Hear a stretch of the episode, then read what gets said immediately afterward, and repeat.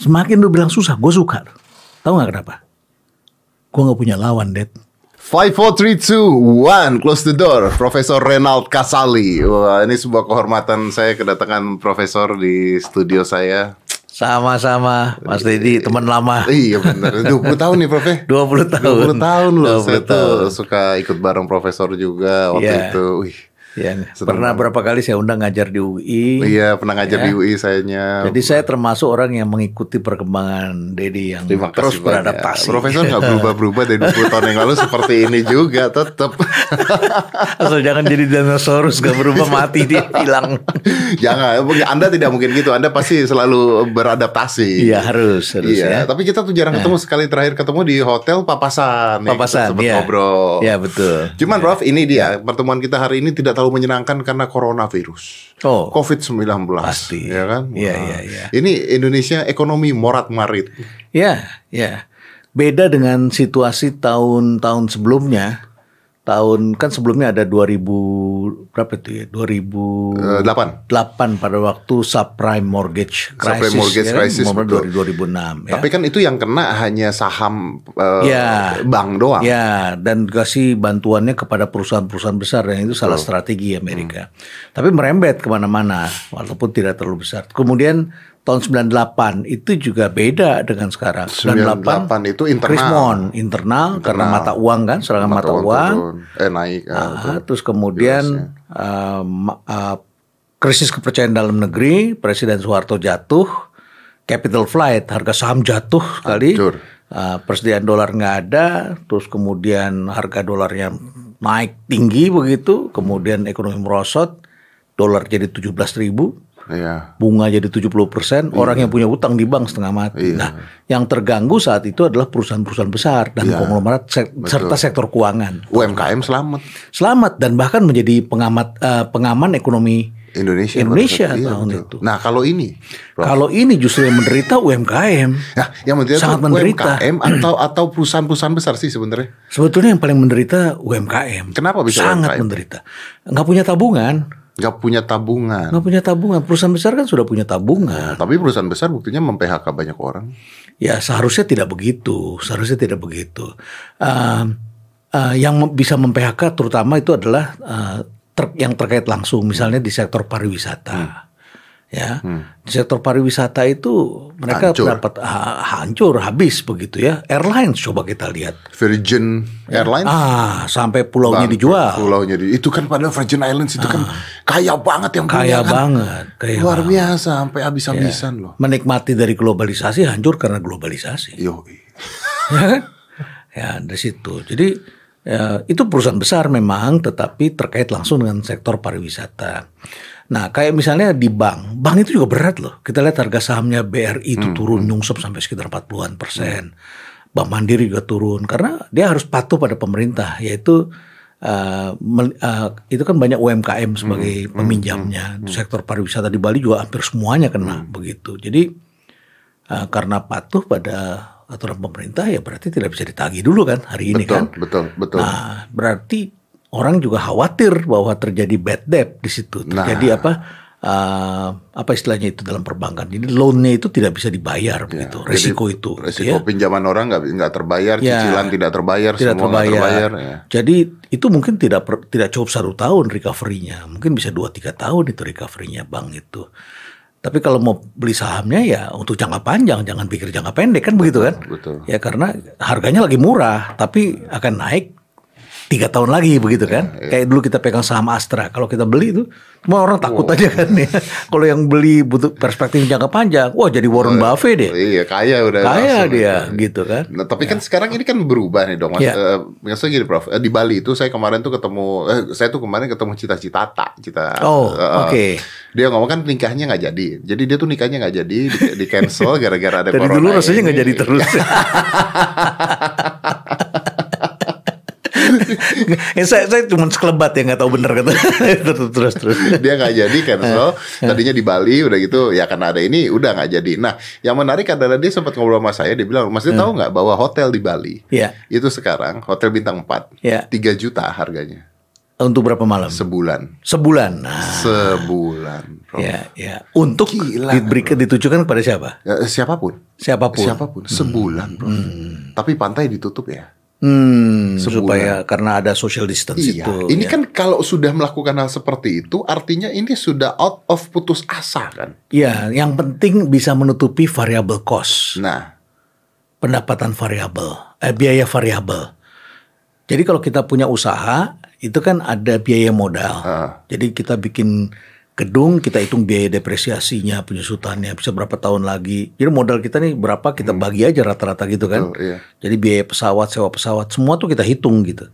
Tapi kali ini kalau pesawat barangkali hanya ngitung biaya untuk bayar itunya aja, gasolinnya aja, bayar iya, iya. apa afturnya aja. gaji-gaji pilot itu dipotong loh kalau nggak salah. Potong habis. dipotong dan udah gitu nggak ada bonus sedangkan mereka tuh besarnya Iya. dari bonus penerbangan dan mereka Iya. nggak punya Eh, pramugari pramugari juga habis Iya, semuanya iya. habis BUMN saja THR sudah terakhir potong ya? nggak Nggak ada, nggak ya? diberikan THR untuk direksi dan dan komisaris Iya, semuanya iya. tidak dapat eh, THR tuh. Pak Ganjar Pranowo kemarin mencanangkan bahwa ASN itu gajinya dipotong setengah Waduh, terus ribut kalau saya bilang jangan lah, kalau ASN jangan karena itu menyangkut daya beli juga ya karena eh, ASN sudah tidak besar kan gajinya.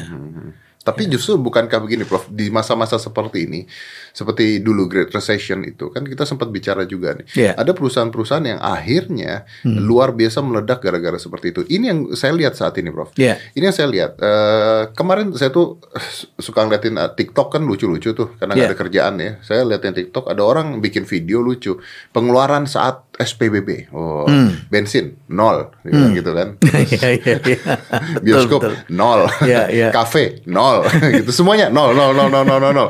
Pengeluaran saat ini, deng dikeluarin satu-satu. Tokopedia, Netflix, Bukalapak, begitu begitu. Akhirnya semua aplikasi-aplikasi online Iya. ini lagi kaya-kayanya. Ya, karena- kecuali yang travel. kecuali yang travel, Ya. betul. Tapi aplikasi online ini lagi gila-gilanya. Ya, Saya betul. sampai berpikir TikTok itu, TikTok itu, berpikir kemarin itu kan dia promo gila-gilaan Ya. promo gila-gilaan eh, supaya semua orang melihat ke TikTok. Udah gitu tiba-tiba terjadilah eh, musibah ini gitu. Iya. Apakah TikTok sudah tahu akan terjadi musibah ini makanya dia promo dulu gila-gilaan?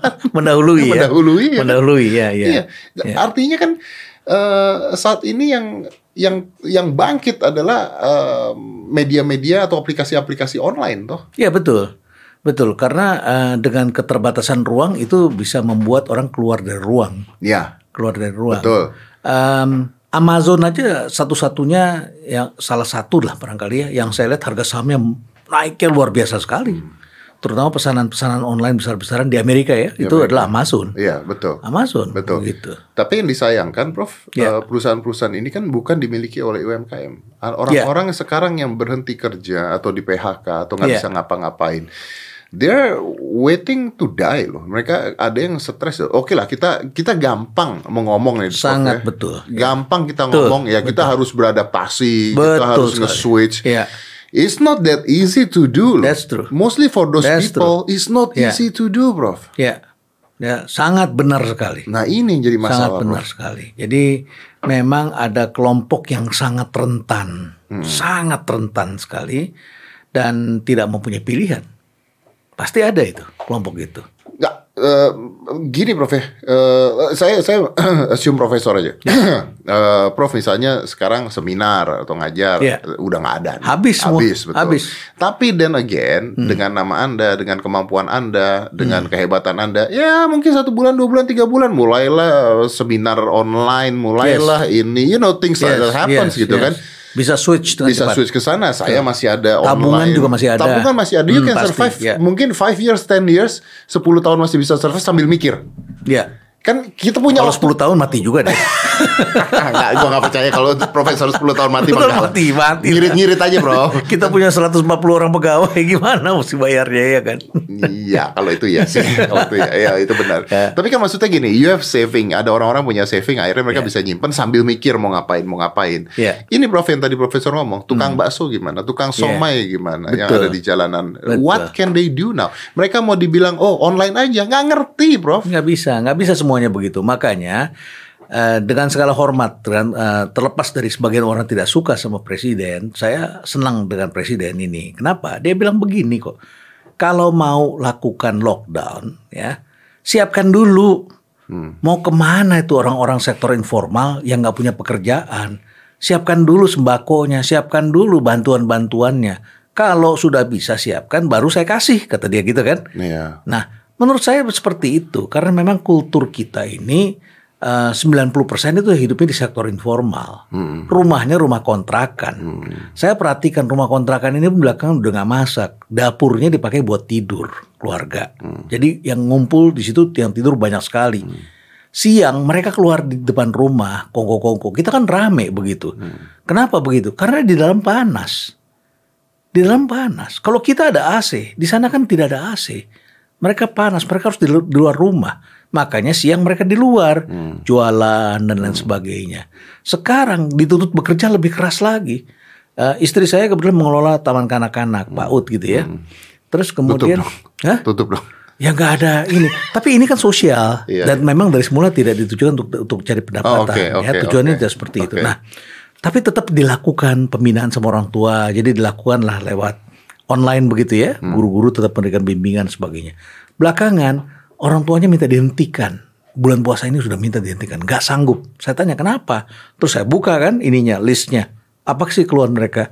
Ternyata positif sebetulnya bahwa mereka sekarang kesulitan untuk ekonomi. Hmm. Jadi harus bantu suami, si ibu ini yang biasa dem- nemenin anaknya belajar. Tadinya dagangan suami itu laku. Sekarang tidak lagi. Sekarang harus dagang lebih lama lagi, ditunggu sampai tengah malam begitu ya. Harus siapkan lebih keras lagi karena tidak bisa dua jam jualan dapat duit. Jadi harus tambah lagi persiapannya lebih besar, dapat duitnya lebih sedikit. Iya, iya, iya. Jadi memang tidak mudah situasi ini. Makanya sebetulnya sektor UMKM ini jangan diganggu sebetulnya gitu ya. Saya aja lagi campaign loh sekarang. Bagaimana agar eh, kita membeli dari UMKM. Eh, sebulan yang lalu saya campaign buat eh, pengemudi, pengemudi taksi ya. Karena kita lihat supir-supir taksi itu, kasihan. aduh kasihan banget sekali. gitu ya. Nah sekarang saya ajak teman-teman, mungkin Pak eh, Dedi juga saya mau ajak nih ya. Bagaimana kita kan sekarang APD udah bisa dibuat oleh UKM kita. Udah, tapi Udah izinnya bisa. susah kata Hah? Prof. Izinnya Nah susah. itu dia. Sekarang kita terobos saja, kita terobos saja. Bagaimana bisa dipakai untuk UKM, untuk untuk yang sangat membutuhkan, Hmm. untuk sangat yang membutuhkan. Kalau standarnya sudah memenuhi, kita kurasi. Hmm. Kemudian kita berikan kepada rumah sakit-rumah sakit yang Hmm. Ini kerjaannya UMKM begitu loh. Dan mereka sangat membutuhkan itu. Saya tuh sempat kemarin ngobrol dengan eh, Bapak Ganjar Pranowo. Hmm. Eh, saya sempat ngomong gini, gimana Pak kalau misalnya semua orang suruh pakai masker aja, Iya. suruh pakai masker harus kalau nggak misalnya ada denda ya, Iya. udah gitu. Tapi mereka boleh kerja di luar gitu. Hmm, Mereka boleh kerja, yang tua dan yang punya comorbid di rumah gitu. Iya. Karena kan PSBB ini bagus, bagus. Iya. Tapi kita bertanya pada semua dokter, PSBB ini sebenarnya tidak menghilangkan virusnya kan. Ini kan menurunkan kan. Nah, Menurunkan, setelah menurunkan iya. ini terus mau apa gitu maksudnya. Nah, balik lagi sama dengan omongan profesor kemarin waktu ketemu saya eh bahwa eh, Pak Ganjar ini mengatakan kita tuh banyak barang-barang yang bisa kita ekspor katanya. Oh sangat. Iya, Betul. Tapi sulit ekspornya. Betul, sangat betul. Kan gini ya, eh, kapal penumpang sekarang nggak ada. Berarti kan kargonya nggak ada tempat. Iya. Harga kargo dalam situasi sekarang kan jadi mahal. Hmm. Satu. Yang kedua, eh, ada banyak regulasi-regulasi yang tidak dibutuhkan di dunia internasional. Kerjaan regulator-regulator kita semakin agak jahil tuh. Bikin aturan-aturan yang banyak sekali. Itu kalau kita mau rutin tuh aturan mengenai ekspor ikan itu ya. Dari sini tuh sampai ke pintu masuk gerbang depan itu kertas uh, folio itu kita jajarin tuh. Itu ada kali kertas itu seperti itu. Aturan-aturan bahwa harus punya ini, harus punya ini, harus punya ini. Makanya UKM nggak bisa ekspor, harus minta bantuan orang lain yang jadi tukang namanya pengepul kan, pengumpul Iya, kan iya, calo berarti ya. calo seperti itu. Karena izinnya berlipat-lipat dan setelah itu kalau masuk luar negeri ternyata izin-izin yang kita perlukan di sini Nggak tidak dipakai. diperlukan, Ah, nggak iya. dipakai. Dipakai. Kita aja mengada-ada begitu peraturan. Jadi harus dipangkas justru pada saat lagi pandemi ini untuk menolong UKM. Betul. Da- Itu yang harusnya dilakukan pemerintah. Karena banyak Harus, barang-barang ya. kita yang bisa diekspor sebenarnya. Sangat. ini. Buah-buahan, sayur-sayuran, masa duren itu uh, Thailand bisa begitu uh, sukses kita nggak bisa. Ya, bukannya kita beras Ya. aja masih impor. Iya. Kalau beras adalah karena supply demand, kebutuhannya memang banyak sekali sementara lahan-lahan yang cocok untuk pertanian di Kerawang dan sebagainya dikonvert menjadi industri begitu kan Betul, antara lain lah betul, Antara- betul. tentu ada hal lain lagi Betul, ya. betul, betul. Nah, tetapi kita kan punya manggis. Manggis itu kan juga lebih besar dari dari Vietnam dari Thailand. Tapi kenapa pada musim tertentu Thailand justru yang menguasai dunia begitu ya? Durian, oke okay, mereka punya uh, uh, yang sudah pasarnya sudah ada. Kita punya lebih banyak lagi durian, walaupun itu adalah skala rumahan gitu ya ditanamnya. Tapi kalau dikumpulkan jauh lebih banyak dan variasi kita tidak kalah begitu. Uh, Malaysia punya musangking, kita punya uh, durian tembaga kan. Hmm, hmm. Itu itu juga cukup satu potensi. Artinya kan ini termasuk uh, APD dan sebagainya harusnya bisa diekspor. Harusnya bisa diekspor. Is that is that how, is that what do you think that will make this country survive by export? Oh iya ya. Justru di saat seperti ini ada tekanan. Kalau dulu kan kita berpikir ah dolarnya murah. Mm-hmm. Tapi dengan keadaan sekarang kemarin bagus sempat ya. Saat ini dolarnya ah, mahal kalau kita ekspor bagus. Bagus dong. dong seperti itu ya. Walaupun kemarin rupiah menguat lagi begitu ya. Ya tentu itu kabar gembira juga bagi sebagian kita. Tetapi saya kira market yang kuat itu adanya di sejumlah negara yang sudah recovery. Eropa aja ada sejumlah negara yang tidak melakukan lockdown kan. Hmm. Ada beberapa negara. Cina sudah lebih dulu recovery. Hmm. Saya ketemu dengan seorang uh, bandar ikan besar sekali dari Hong Kong. Ya, mereka minta ketemu. Udah kangen mau ke Indonesia. Kenapa? Orang sudah pengen makan enak di Hong Kong dan di, di Tiongkok, tapi makanannya nggak ada, ikannya nggak ada mereka mau mencuri ikan takut takut seperti dulu itu terjadi yeah. di Tenggalamin sama Bu Susi gitu kan. Ah, pabrik-pabriknya udah banyak ditutup di Indonesia. Yeah. Jadi mereka cari kesempatan gimana caranya supaya bisa dapat ikan. Hmm. Nah itu harus kita buka sekarang harus dibuka harus disederhanakan. Tapi kan yang jadi masalah sekarang ini ada ada sebuah perselisihan antara mengutamakan keselamatan dan kesehatan atau menjalankan yeah. ekonomi.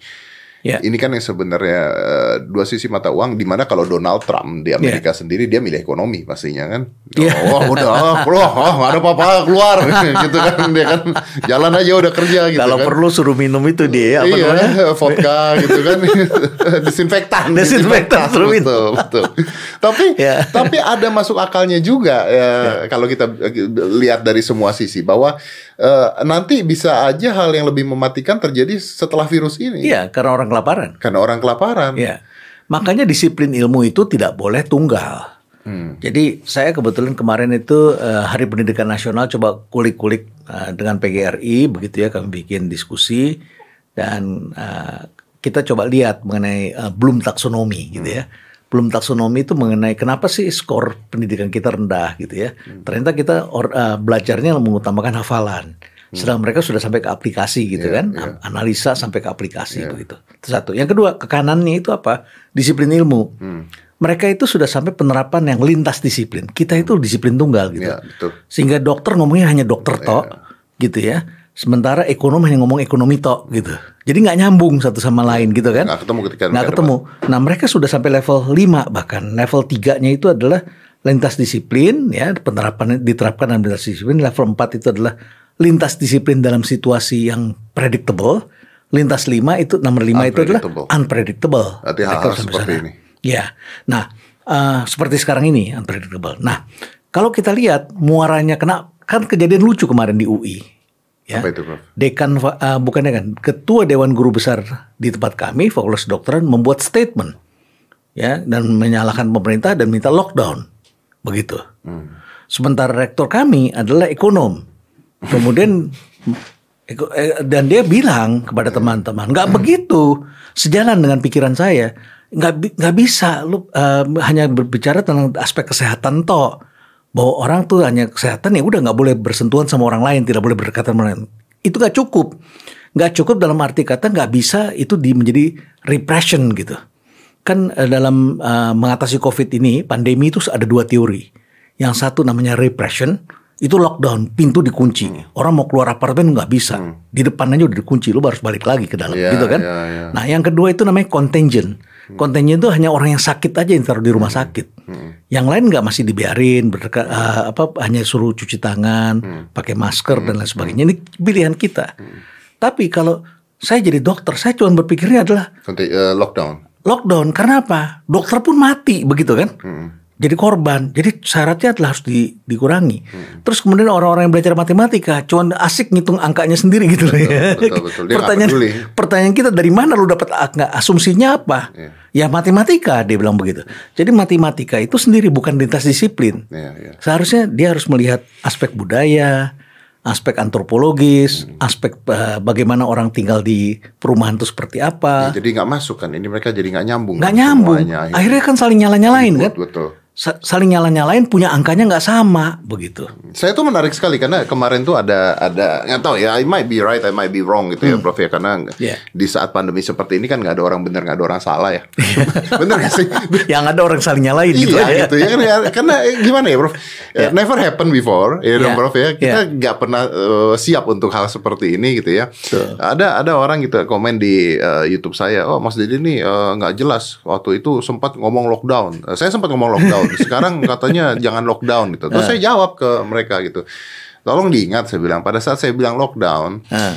itu bahkan sebelum pasien satu pasien dua aja ada loh saya bilang Iya. itu saya sempat ngomong Yeah, saya bilang yeah. karena buat saya pribadi kalau pada saat dulu virusnya mau masuk and then you lockdown Yes. for a month Oh, itu cakep banget. itu cakep banget Cakep banget, bilang. ya. jangan udah masuk dulu telat telat kalau sekarang mah telat Udah gak ketahuan ada di mana aja. udah gak ketahuan karena Iya. omongan saya dulu belum tentu bisa seefektif ketika ini ditaruh di saat ini dong Iya. masker lah prof masker dulu kan jangan pakai masker katanya Oh iya iya iya. Iya kan? Iya iya iya. iya. Gak boleh pakai masker ya kan? Sekarang semua pakai masker katanya. Gimana? Iya, udah iya. nggak udah nggak ada yang jelas Iya. kok sekarang ini. Saya cerita gini ya.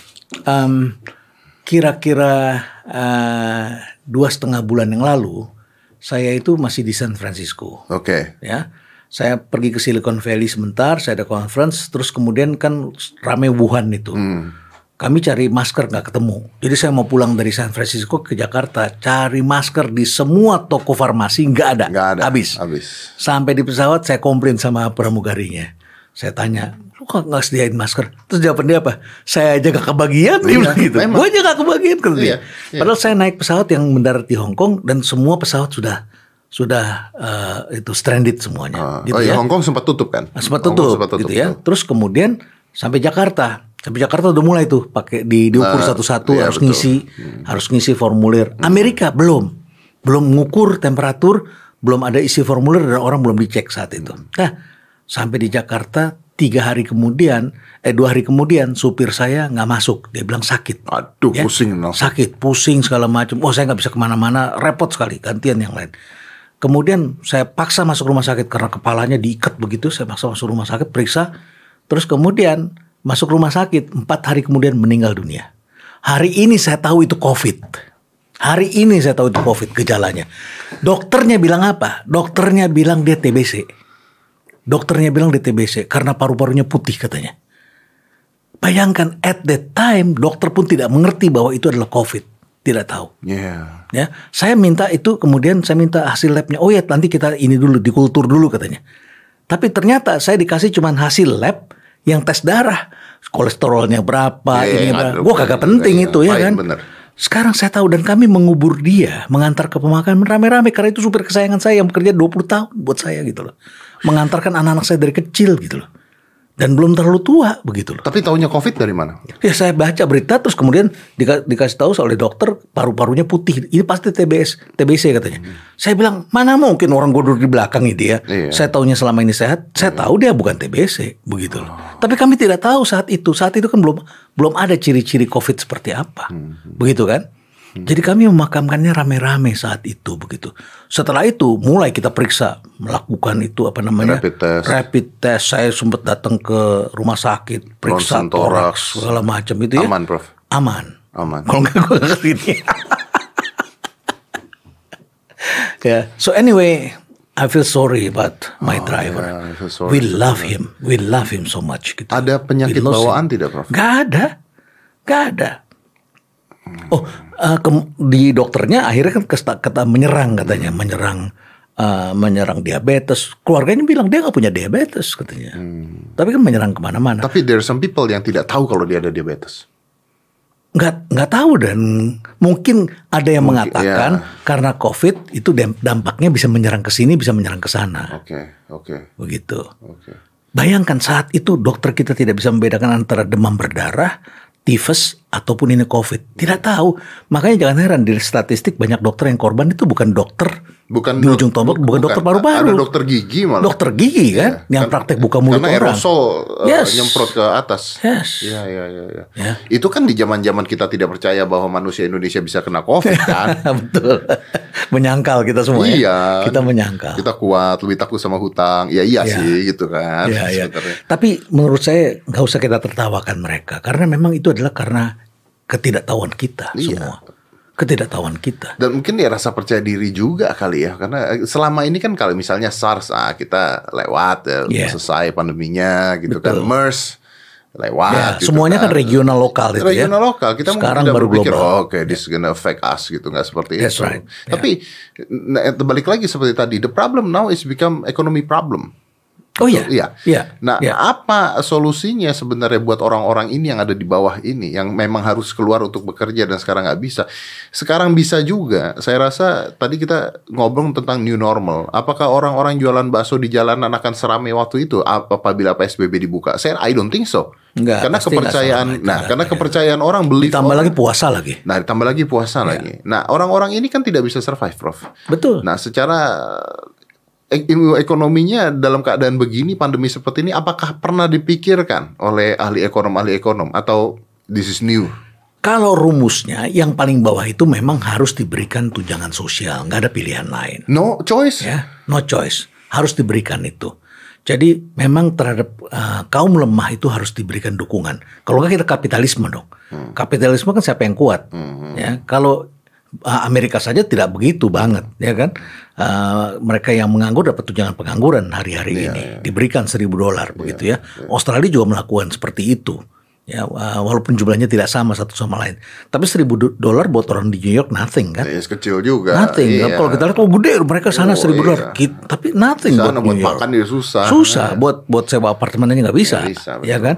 Nah, jadi eh, buat yang di bawah itu memang harus disediakan itu jaminan dulu di bawahnya.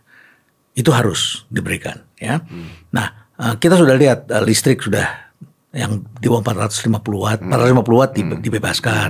Yang 900 watt dapat diskon kayak gitu-gitu ya. Itu wajib diberikan dulu di situ. Itu gak ada pilihan lain mereka harus diberikan. Cuma masalahnya adalah data. Ribut lagi nih. Ya. Data ribut lagi. Some people cannot be trusted kan. Well, I just read the news tadi baru aja tadi ada berita bahwa eh, ada oknum RT yang memotong bantuan pemerintah 100 ribu buat rakyat. Dalam situasi kayak begini ya, aji mumpung. ya. Nah ada selalu ada orang-orang seperti itu. Pasti ada yang aji mumpung ya. Terus kemudian kalau begitu dibilang baginya sembako bent- bentuknya bukan uang. Sudahlah mereka ngambil margin di situ kan. Hmm. Iya, jual Ngambil lagi. margin, jual lagi dan lain sebagainya. Pasti ada di situ. Belum lagi biaya distribusinya. Iya. Kalau uang kan biaya distribusinya lebih rendah. Betul. Nanti mereka bisa beli sendiri karena barangnya ada di mana-mana. Fortunately di negara kita inflasinya masih eh, sangat rendah karena pembangunan infrastruktur beberapa tahun terakhir ini ya ketersediaan pangan juga relatif aman begitu. Jadi masih aman lah dalam hal begitu. Tetapi kalau dua bulan habis Lebaran masih terus kan orang capek juga, Det. Ya. Capek di Amerika aja orang pada keluar rumah udah pada jemur badan karena mulai matahari udah mulai datang dan sebagainya. Kalau capek artinya mereka akan keluar. Menurut saya orang akan jenuh dan sekarang aja kita lihat sebagian orang sudah di jalan lagi. Ya, udah mulai sudah mulai ramai lagi. Betul, betul. Mulai terjadi lagi. Habis lebaran lebih ramai lagi pasti. Nah, berarti harus ada upaya-upaya lain begitu mentertibkan kembali sampai kapan ini. Dan ini masalahnya adalah tidak bisa diprediksi. Betul. Dan menurut saya this is not easy. Pengambilan keputusan di tengah-tengah Oh, ya, ini ya. not easy. I, I believe whoever yang eh, saat ini menjabat jadi pemerintahan juga, aduh kayaknya nggak kepikiran bakal kayak begini gitu kan, Prof. Hmm, Nggak ada. Kan? Nggak ada. Bill Gates saja 2015 sudah ngomong akan ada pandemi yang besar. Dia udah ngomong. Sekarang kan dia dituduh. Itu kan teori konspirasi itu kan saya sempat ngomong juga tentang teori konspirasi dituduh tersebut. kan iya. gitu kan ya. Iya.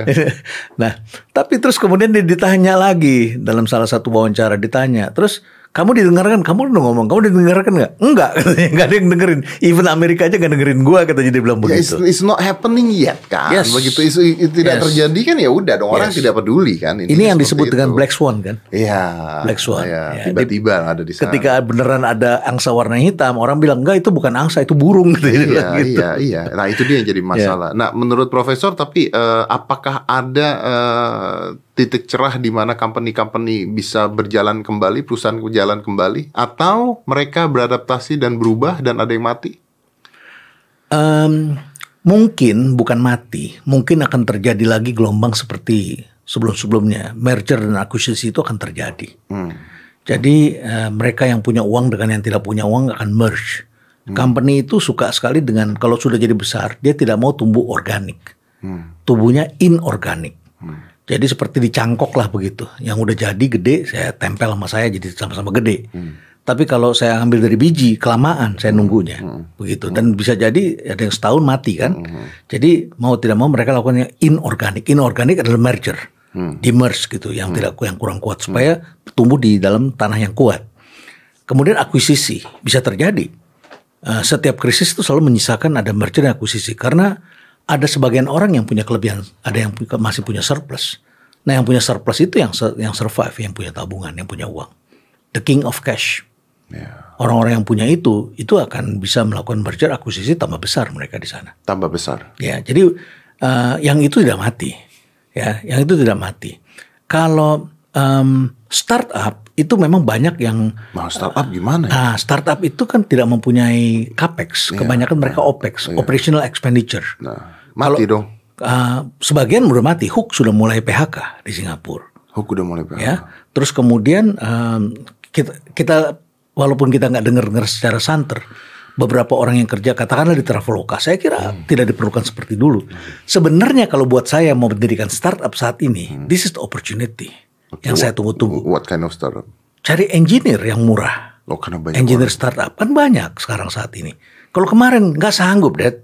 Gajinya gede-gede. Iya, nah, sekarang orang butuh. Sekarang orang butuh untuk nyambung. Karena ketika orang punya pendapatan besar, dia sudah punya hutang kan. Iya. Ketika punya Ada hutang, cicilan, dia ada- takut kan.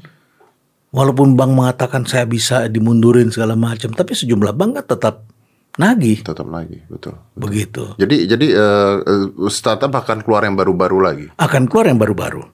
Eh, keyakinan orang terhadap terhadap teknologi itu meningkat drastis sekarang. Iya. Meningkat sekali. Pasti, pasti. Tadinya orang nggak mau pakai Zoom. Oh, now you Sekarang, have uh, everyone nggak ada Zoom, pilihan ya, no Webex, choice. ya. Ya. dari Cisco itu Webex, kemudian punyanya Telkom You Meet Me namanya ya, CloudX dan lain sebagainya, banyak sekali. Udah nggak ada pilihan kan. Ini masih mending saat ini masih bisa seperti ini ya. Pada Ya, zaman ya. dulu Spanish flu Yes. gimana hidupnya Yes. manusia. Ya. Social distancing benar-benar social distancing nggak Ya. ada berita nggak ada kabar dan sebagainya. Saya merasakan sekali sekarang memberi seminar yang pakai metode ini. Dulu itu ya maksimum katakanlah 300 orang, 400 orang begitu. Katakanlah maksimum jadi 1000. Sekarang kami bisa bisa, bisa bikin buat 15 ribu orang Iya. seluruh Indonesia. Bisa tuh kami lakukan. Ya, kemarin yang daftar 13 ribu dengan pe- guru-guru itu semua. Seperti itu. Tapi saya tuh, eh ini Prof, saya tuh, saya tuh tidak suka loh sebenarnya. Kalau boleh Hmm. memilih ya, saya tuh nggak suka dengan online seperti itu. We lost touch with the audience. Ya tentu. Ya. Ini kan karena keterbatasan. Iya benar karena Tapi perilaku berubah. Nah, Perilaku berubah. Dan ada sebagian orang yang kecanduan juga kan. Pasti ada kecanduan juga. Karena bisa menghemat waktu dan lain sebagainya. Ada benefit yang didapat selama ini. do you think orang akan merubah perilakunya setelah pandemi ini atau orang akan bebas tiba-tiba? Oh, gue bisa balik lagi seperti dulu. Tentu tidak 100% secara drastis. Saya kasih contoh. Di sebuah perusahaan as- asuransi multinasional. Itu telah menerapkan kebijakan eh, 4 plus 1 dan 3 plus 2. Artinya bekerja tiga hari di kantor, dua hari di rumah. Oh ya? Sudah ada dari dua tahun yang lalu, sudah berjalan. Saya sudah diberitahu oleh mereka. Apa yang terjadi? Ternyata yang ngambil 32, theoretically itu bagus, banyak yang mau ngambil karena masih punya anak kecil. Tapi begitu dijalankan, yang ngambil paling cuma 1-2 persen. Kebanyakan merasa nggak nyaman begitu kalau nggak ke kantor, kalau nggak ketemu dengan yang lain. Nggak nyaman, bekerja dari rumah itu tidak nyaman. Tapi hari ini mereka sangat nyaman. Barangkali tadi dari satu persen akan naik nih jadi 30 persen. Oke, jadi ada perubahan perubahan itu akan terasa ya. Akan terasa sekali. Dokter yang melakukan telemedicine itu akan meningkat Oh sekali. ya bahkan sebelum ini kan sudah ada kan sebelum. Sudah ada tapi ada hambatannya. Ya, Karena dokter itu harus melakukan diagnosa dengan tatap muka. Betul, betul. Rumusnya dokter itu adalah harus uh, diajak ngomong, Iya. bisa lewat online ya. Harus diraba. Nah, gimana? Nah, itu kan dia. dokter kan sentuh kita. Anget apa enggak, di sini ada benjolan apa tidak. Harus diraba, Iya. rule-nya begitu. Tapi Prof kan kalau kita pikir ya sebenarnya perubahan ini tuh terjadi with or without COVID kan. Sebagian iya, tetapi COVID ini menjadi apa ya? Menjadi suatu yang mendorong begitu sangat Iya. keras. Tapi kan at the end sebenarnya perubahan ini sudah terjadi. Sudah. Maksudnya dengan adanya Gojek, dengan adanya apa, ini kan udah merubah kebiasaan orang loh. Pada waktu saya menjelaskan ini terjadi shifting, Heeh. saya kan diketawain oleh ekonomi-ekonomi jadul-jadul itu kan. Mohon maaf saya harus mengatakan jadul gitu kan ya. Ya. Nah, saya kan diketawain oleh mereka. Mereka bilang 3%, 5%. Saya cuma bilang 3%, 5% aja matahari udah mati loh. Iya. Beberapa toko udah mati. Ya kan? Iya sih. Gimana kalau dia ntar 20% mati beneran semua saya bilang begitu Iya, kan. iya, iya. Glodok udah udah tutup. Masuk akal, masuk iya akal, kan? iya. Baru 3%. Jadi Uh, that's, jangan that's, sembarangan. that's happened to me karena saya tuh sempat punya eh, toko kecil jualan eh, elektronik handphone lah. Saya sempat jual smartphone smartphone. Dan itu saya tutup. Kenapa saya tutup? Karena lama-lama orang belinya udah nggak lewat sana. Terasa kan berbeda. Iya, sangat terasa. Ada seorang kawan saya di Bandung. Dia buka factory outlet dan dia rajanya factory outlet di Bandung. Oh, now it's gone. now it's gone. gone. Saya tanya, lu taunya gone dari mana? Nggak ada lagi yang SMS. Dia pakai SMS, dia nggak pakai WA nih. Dia, "Oh, SMS nggak ada lagi yang minta diskon katanya. Ibu-ibu bisa minta diskon nggak ada lagi katanya Iya. yang datang. Akhirnya dia buka tempat di Lembang itu yang punya range market, Ah, yang punya apa namanya tuh pasar apung. Sekarang jadi ramai. Kenapa? Karena orang pengen selfie. Orang cari tempat yang bisa selfie. Jadi berbeda kan. Berbeda jadi needs-nya. berbeda. Needs-nya jadi berbeda. Artinya dengan adanya shift tersebut, misalnya kayak eh, makanan kita bisa pesan dan sebagainya, akhirnya mengurangi pekerja-pekerja juga dong ya, Prof. Atau berubah pekerjaannya. Hmm, bisa jadi lebih banyak. Bisa jadi lebih banyak. How come? Em, jadi em, kalau orang membeli jasa itu kan nilainya lebih tinggi kan daripada beli raw material, ya. kan? ya. ya.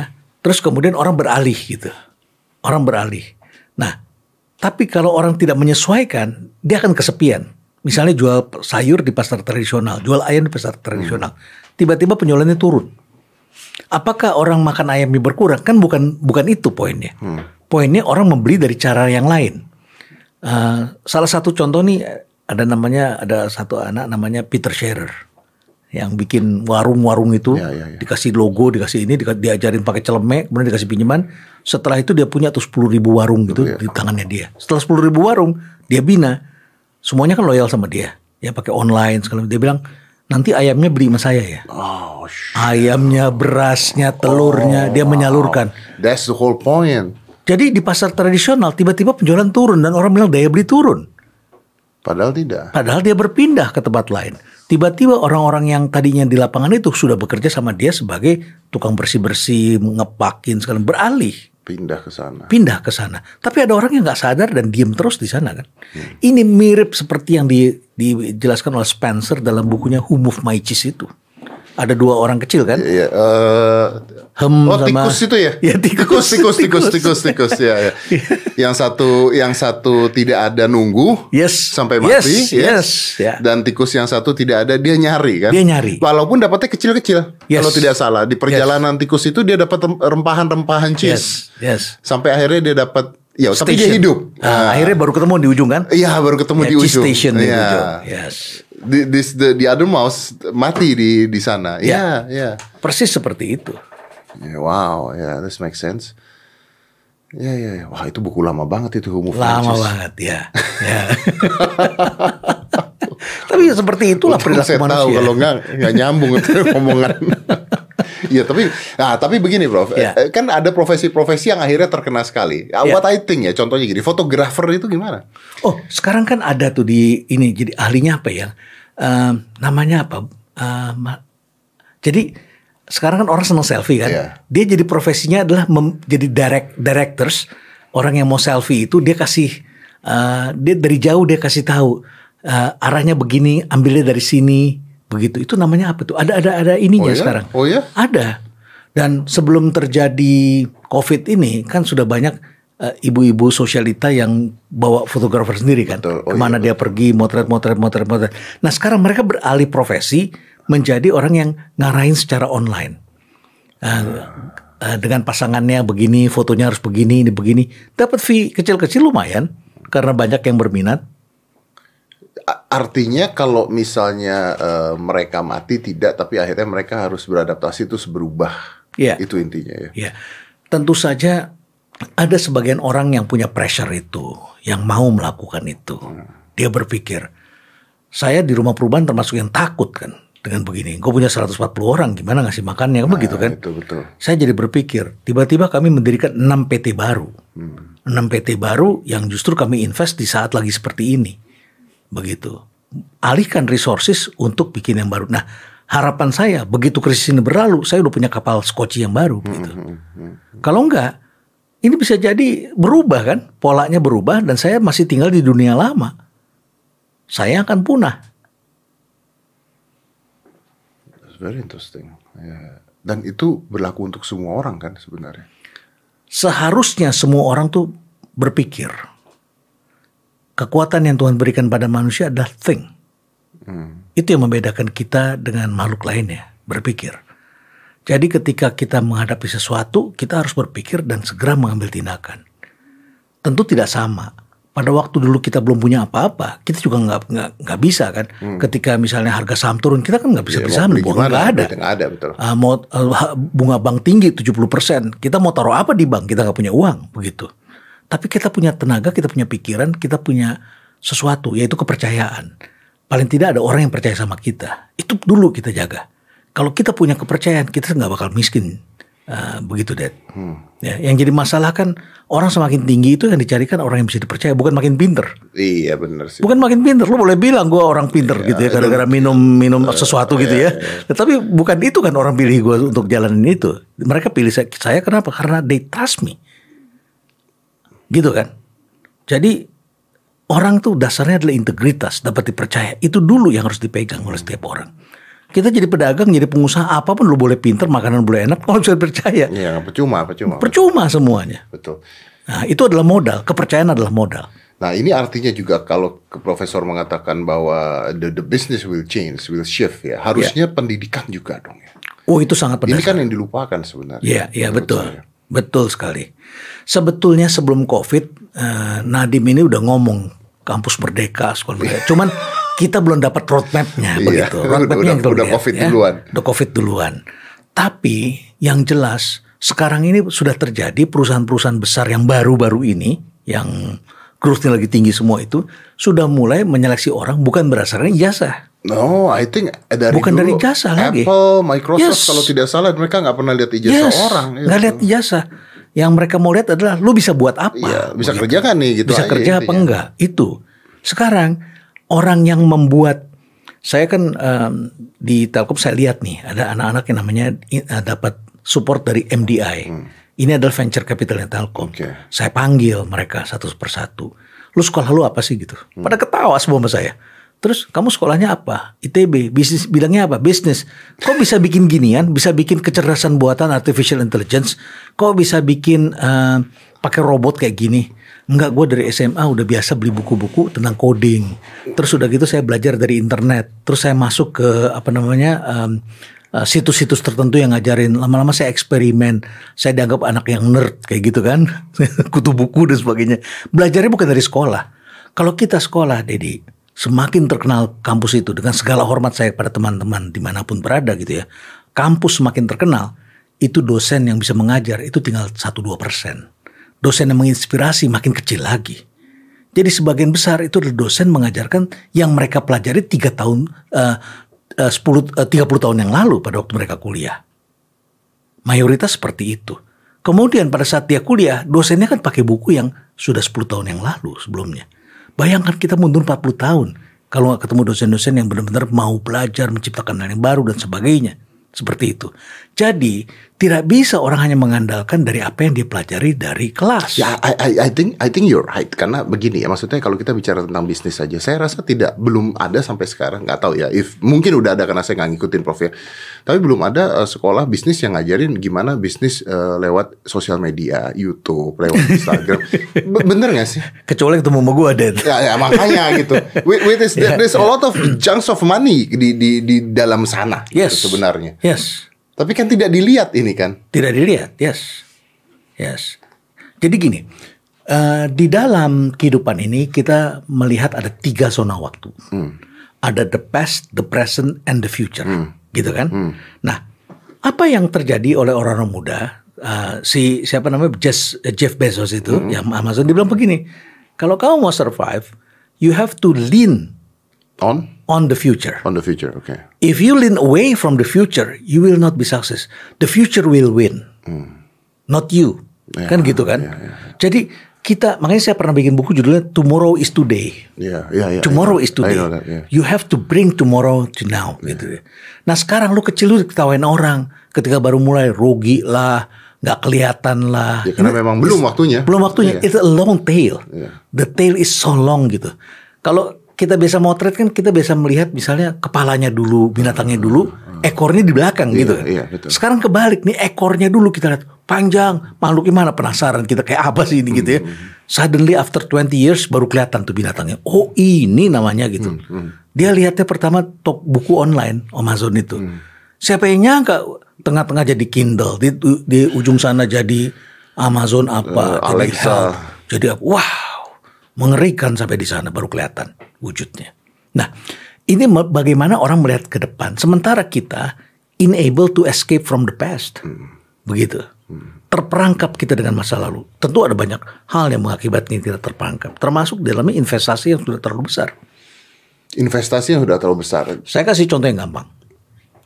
Eh, pernah naik kereta api nggak? Iya. Eh, komuter. Pernah kan? Pernah. Coba naik eh, eh, eh, turun di stasiun Tebet. Hmm. naik ke atas di pinggir jalan MT Haryono itu. MT Haryono itu ya. Itu ada satu bangunan yang agak miring. I don't know. itu namanya Menara Saida Oh, oh, oh, tahu, tahu, tahu, tahu, tahu, tahu, tahu, tahu, tahu. Menara Tahu, Saida iya, tahu ya? Iya, memang agak miring kan? ya. saya pernah masuk ke situ salah jalan. Jadi saya muter lagi tapi saya masuk peran sampai dibukain mas satpamnya sepi akar alang-alangnya udah mulai agak tinggi terus saya tanya loh ini kantor apa pak? Ya kantor tapi udah nggak ada lagi orang. Itu sudah 10 tahun kejadian seperti itu mungkin udah lebih sekarang Ya, itu gitu ya. ya. pertanyaannya adalah kenapa nggak dirubuhin? Kita orang luar kita bilang kenapa nggak dirubuhin? Tapi when you were the owner of that buildings nggak punya keberanian. Itu yang di dalam ilmu ekonomi disebut sunk cost trap. The cost sunk cost jadi kan biaya tenggelam tuh kalau terjemahannya tuh jadi when we invest it it's gone gitu kan ya. Terus kan kita nggak mau gone. Belum balik modal kita pikir masih bisa. Tapi kita tahu itu nggak mungkin tegak lagi tuh gedung. Dan kalaupun kita bilang aman orang yang nyewa nggak berani di situ. Begitu. Jadi kita terperangkap. Terperangkap di dalam investasi yang begitu besar yang sudah kita bangun. Yang paling gampang juga kita lihat adalah Pak eh, pabrik es yang dulu ribut antara Pak Bibit sama Pak Jokowi waktu Pak Jokowi jadi wali kota di Solo Sari Petojo Saya nggak tahu. itu pabrik es batu Oh, iya, iya, iya, iya. Pabrik iya, es oke, batu. Iya, iya, iya. Bayangkan coba, dulu es batu itu begitu berjaya kan. Masih ingat kan dulu orang pakai ganco dijual di pasar gitu kan, pakai daun pisang Betul, gitu betul, kan. ya. betul. Dijual kan Iya, iya. di pasar-pasar tuh ada ada ada apa stasiunnya gitu yang buat, Stasiunnya, buat iya, terus orang beli seperempat balok gitu kan buat bulan puasa. pakai karung tuh, Ah, pakai karung Ah, gitu terus betul. bulan puasa orang beli sore-sore Iya, buat iya, minum iya. es sirup gitu kan dulu kan es kelapa muda gitu kan ya. Nah, bayangkan coba ketika kemudian muncul lemari es kan kehilangan relevansi dia. Kecuali dia pindahin ke daerah nelayan, perkampungan nelayan. Itu dibutuhkan untuk nelayan melaut, nanti pulang buat diperbaiki ikan.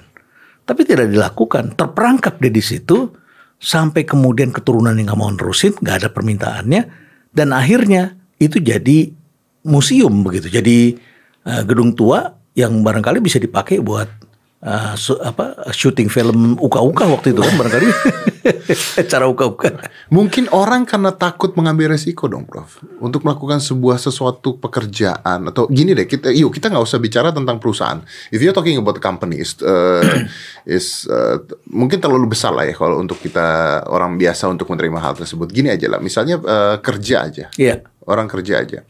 Some people ada yang dia bekerja karena dia cuman dapat gaji doang gitu. Iya. De- de- mereka nggak enjoy kerja di sana juga. Iya. Some people ada yang uh, kerja karena mereka mau belajar. Iya. Dia bisa belajar sesuatu dan dia bisa melakukan sesuatu juga. Betul. Some people kerja cari pengalaman. Iya. Oke. Uh, ada loh orang uh, karena saudara saya kerja sudah hampir 30 tahun gajinya tidak naik-naik juga dan begitu-begitu saja gitu. Hmm, kesian Tapi untuk untuk merubah hal tersebut sulit gitu karena sudah nyaman. Iya. Karena sudah nyaman. Nah, ini Iya. kan ini kan juga jadi masalah karena mereka takut untuk merubah sesuatu. People don't like something that change from their life. That's the problem. Iya, itu sangat sangat mendasar sekali ya. Orang memang sangat menikmati rutin dan ketika eh, kalau orang kemudian pindah dia mulai harus menyesuaikan diri lagi dengan Iya, keadaan. Oh, banyak sekali risiko-risikonya. Betul sekali. Orang memang cenderung convert. Nah, sama juga dengan tadi pemilik pabrik es atau pemilik apa pun juga gitu ya. Suatu ketika kan akan ngalamin juga pemilik yang tadinya berjuang ketika usia tertentu dia akan convert kan. Akan nyaman kan. Saya hari-hari ini banyak ketemu dengan orang yang kemudian bilang sama saya, Pak, cari perusahaan-perusahaan yang ownernya sudah tua, Pak. Anaknya nggak mau nerusin lagi. Itu mereka sudah tinggal di Belanda, sudah tinggal di Jerman, ya. Itu perusahaannya udah morat marit di sini. Orang tuanya udah nggak kepengen, anaknya juga nggak mau nerusin. Atau anak-anaknya tidak terlatih karena sudah hidup enak Iya, iya. take over. Saya bisa sebutkan ada dua perusahaan kosmetik besar Indonesia masuk ke sana. Oh, iya. Ya, saya bisa sebutkan ada beberapa perusahaan di bidang logistik yang lama-lama masuk begitu. Dan beberapa di antaranya brand besar, brandnya masih bunyi, tetapi penjualannya kalau kita lihat laporan keuangannya mulai negatif eh, profitnya. Karena anak-anaknya juga udah nggak mau orang tuanya. Nggak, kalau misalnya kayak eh, Kompas Gramedia gimana? Eh, Kompas Gramedia dulu pernah saya nasehatin, saya bilang ini masuk ke dunia online, dia terperangkap di situ. Tetapi Kompas dia masih mempunyai sektor-sektor yang masih agak besar, dia masih punya hotel. Iya. Hotel ini cuma masalahnya adalah uh, capex-nya besar sekali. Capex-nya besar mau nggak mau kita harus punya utang kan, begitu kan. Tapi mereka sudah punya tabungan yang sangat besar dalam waktu yang panjang sekali. Jadi aman. Uh, tidak terlalu aman juga dalam masa depan. Hanya saja kan sekarang sedikit penjualan yang cetak. Dia sudah punya online, dia sudah punya online, dia punya masih punya televisi. Nah, do you think the online work? ya agak beda dengan yang didirikan oleh ownernya sendiri. Ini kan pegawai. Suatu perusahaan yang dikelola pegawai dengan dikelola oleh owner dua hal yang berbeda. Kalau mau dibikin lebih maju lagi, kasih saham pada mereka yang kelola. Mereka harus menjadi pemilik di sana. Kalau orang merasa memiliki, ya, dan benar seorang entrepreneur, dia akan bergerak siang malam. Dia tidak akan bergerak berdasarkan jam kerja. Ya karena menurut saya mereka juga trying to swift ya. Kalau kita lihat Gramedia kemarin saya sempat ngobrol juga Gramedia itu sekarang kan jualnya alat camping ya. Iya, termasuk itu ya. Iya. Iya. Karena mereka tahu mungkin buku juga udah siap nggak ada yang Yes. beli, saat tidak ada Yes. orang baca buku juga saat ini gitu kan. Terjadi Mereka penurunan. mereka ber- Perubahan. Mereka eh, melakukan perubahan. Cuman kan yang jadi masalah memang setiap orang itu tidak mau menerima bahwa mereka itu harus berubah. Apalagi di masa pandemi begini nih. Iya. Oh, I think kalau sekarang harus dipaksa ya. Sekarang mereka mereka sekarang mah terpaksa ya karena udah ngelihat eh, seperti apa gitu. Gini, eh, setiap zaman ada orangnya. Jadi ada orang masa depan, ada orang masa lalu. Dan setiap pekerjaan, jadi pekerjaan masa depan itu, itu orangnya beda dengan skill yang untuk menangani masa depan. Ini beda dengan skill yang masa lalu. Jadi misalnya orang yang biasa jadi wartawan di surat kabar, terus disuruh kelola perusahaan yang berbasiskan the future ini, ini kan tidak semuanya bisa dibawa ke sini. I'm, I'm, I'm, I'm agree yet I'm disagree karena saya bisa ngelihat eh, Prof saat ini masih survive tuh. Makanya saya bilang ad- ada yang bisa, ada yang tidak bisa. Mostly nggak bisa. Mostly nggak bisa. Ya, ya, you're you're survive. You looks exactly seperti 20 tahun yang lalu. Eh, gini aja deh, saya bicara jam tangan aja deh. Anda, anda profesor ini pakai smartwatch. Mereka apa tuh, Prof? Oh, eh, Nggak ini merek merek murah. Merek murah. Eh, ini apa? I think I have it. Uh, Huawei ya. Dia kurang lebih begitu lah Iya, murah lah. iya. Tapi smartwatch kan, smartwatch Iya, dengan smartwatch. notification and everything gitu kan. Iya. Ya, mostly orang-orang orang-orang Prof usia berapa sekarang? Saya almost 60.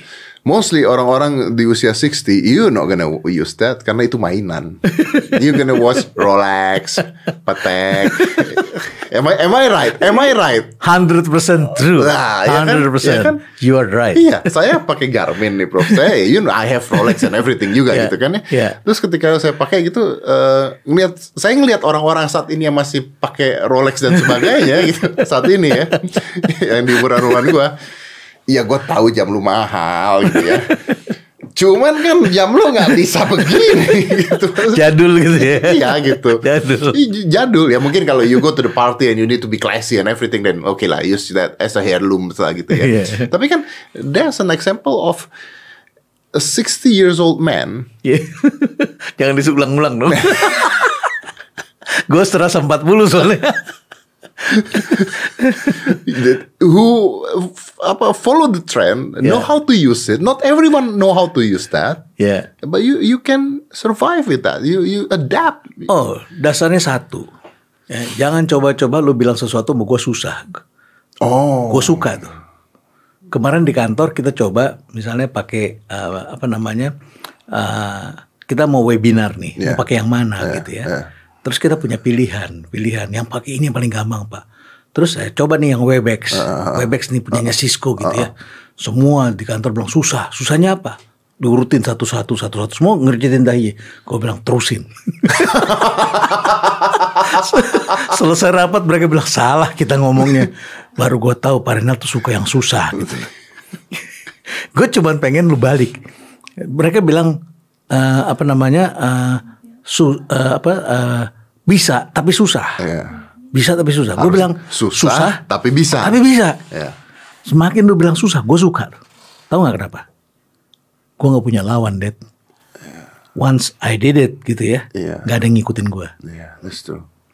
That's true. May, may I know kenapa uh, Pak Renald akhirnya pakai smartwatch? Kenapa? Hmm.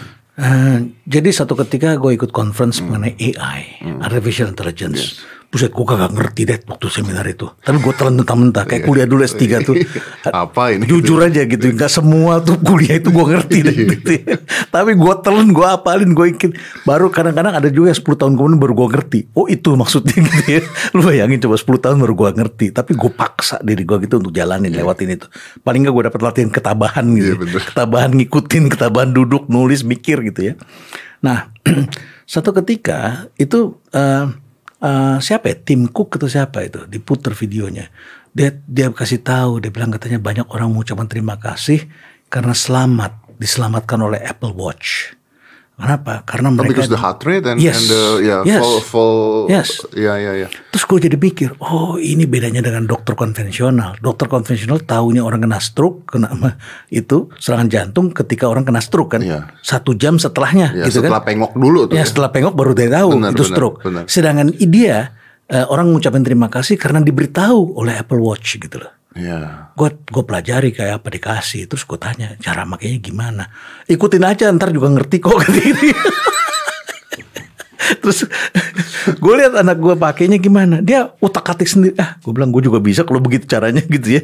Gue utak atik sendiri, gue buka, gue taruh. Gue males tuh baca Iya kan manual Gue males. read that anymore gitu kan. Saya nggak pernah males. baca like gue ikutin gaya anak muda aja gue coba sendiri gue paling gue tanya sama bunga gue tanya sama tem- temen-temen di kantor mesti gimana ini gimana sambungin ini gimana gue nggak malu nggak malu gue nggak malu sama anak-anak gitu biarin aja mereka nonton gue nanya-nanya kan gue nggak nak- malu bertanya deh Iya. gue coba-coba terus udah lama-lama gue kasihkan terus bini gue bilang jelek jamnya kali Ya gitu. kan karena kotak kan maksudnya Apple Watch dan kotak Iya. baterainya juga cepat habis. Betul. This this battery Oh takes ini days, ya. ini udah udah dua minggu gak gue Iya, charge lagi benar, gitu. Jadi benar. gue nyaman aja begitu. Nah jadi kalau olahraga juga kita tahu, gue gue mesti kan gak bisa lagi olahraga berat kan Hmm. iya, harus iya. harus jalan yang kenceng dan Tapi sebagainya. kan detak jantung semua segala keluar Ah, di sana. keluar di sini ya, bisa dimonitor Iya, semuanya. iya, Ya enak lah kita bisa ini. Iya, iya. That, that's actually uh, happen dengan saya, Prof. Kemarin tuh saya ada seminar, uh, saya tuh jadi uh, semi, saya tuh jadi host seminar dokter yeah. uh, Perdaweri. Oh. Perdaweri itu perikat uh, Persatuan Dokter Anti Aging Indonesia lah. Oh, Oke. Okay. Nah, terus hmm. karena ini Persatuan Dokter Anti Aging kan berarti dokter-dokternya lumayan lah usianya gitu yeah. ya, lumayan hmm. usianya gitu. Terus saya juga pakai sesuatu gitu, entah gimana uh, komputer saya tuh bermasalah. Jadi saya nggak pakai Zoom, nggak pakai, saya lupa pakai apa. Dan ini ribet banget gitu. Hmm. Uh, lucky for me saya punya Aska yang usianya 14 tahun gitu. Ya. oh Aska sekarang di sini bantuin juga. Iya. Udah jago pasti itu. Waduh gila. Dia itu uh, bener-bener generasi komputer. Generasi itu. Generasi itu. Uh, saya punya headphone nggak jalan, ini yang nggak jalan. Saya udah colok, saya putar-putar. What happened to this gitu kan? Hmm. Akhirnya you know what? Saya taruh sini. Aska, come here, hmm. help me. I do not understand. I don't know how to do this. Teach me. Hmm. Bener dong? Dia ngajarin, oh ininya ini, ini, ini, hmm. ini. No, no, no. Bukan, kamu jangan lakuin. Show me kenapa, what is the problem hmm. tadi gitu. Hmm. So there is a, adalah malfunction apa segala itu udah jalan. Jalan the seminar works really good, the doctors really good, tapi kayaknya 15 pertama, 15 hmm. menit pertama itu ada dokter-dokter yang uh, saat itu masih uh, mati-mati suaranya, terus kamera kelihatan di sini sampai jidatnya doang.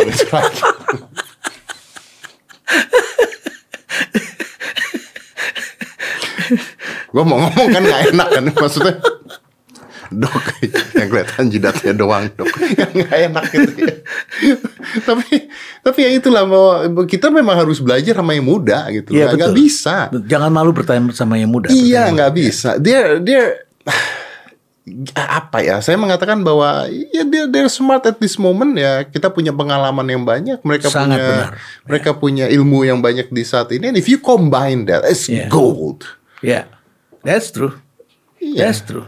Makanya salah satu topik yang penting tuh di korporasi yang disebut dengan bridging the generations. Nah, ya. uh, yang yang generasi yang lama tidak mau mendengarkan yang muda, dianggapnya anak muda nggak ngerti apa-apa. Yeah. Tapi di lain pihak anak-anak muda itu memang weak, lembek pahit lembek. Nggak tahan banting. Nggak tahan banting. Baperan. Oh iya. Nah, terus kalau misalnya dibentak sedikit besok nggak masuk. Nah, itu diperiksa betul. BPK apalagi di UMN oh, diperiksa betul, BPK betul. besok sakit perut nggak masuk. Betul betul. Zaman oh. itu ini ini momennya itu memang ya. betul. Nah jadi memang terjadi seperti itu. Sementara uh, yang tua itu bahasa Inggrisnya kalah sama yang muda. Hmm. Bahasa Inggris, uh, eh, IT dan hmm. kecepatan dalam hal ini. Tapi tahan banting. Oh, tapi yang nah, ya, ya tahan banting ya ya bisa dikatakan begitu.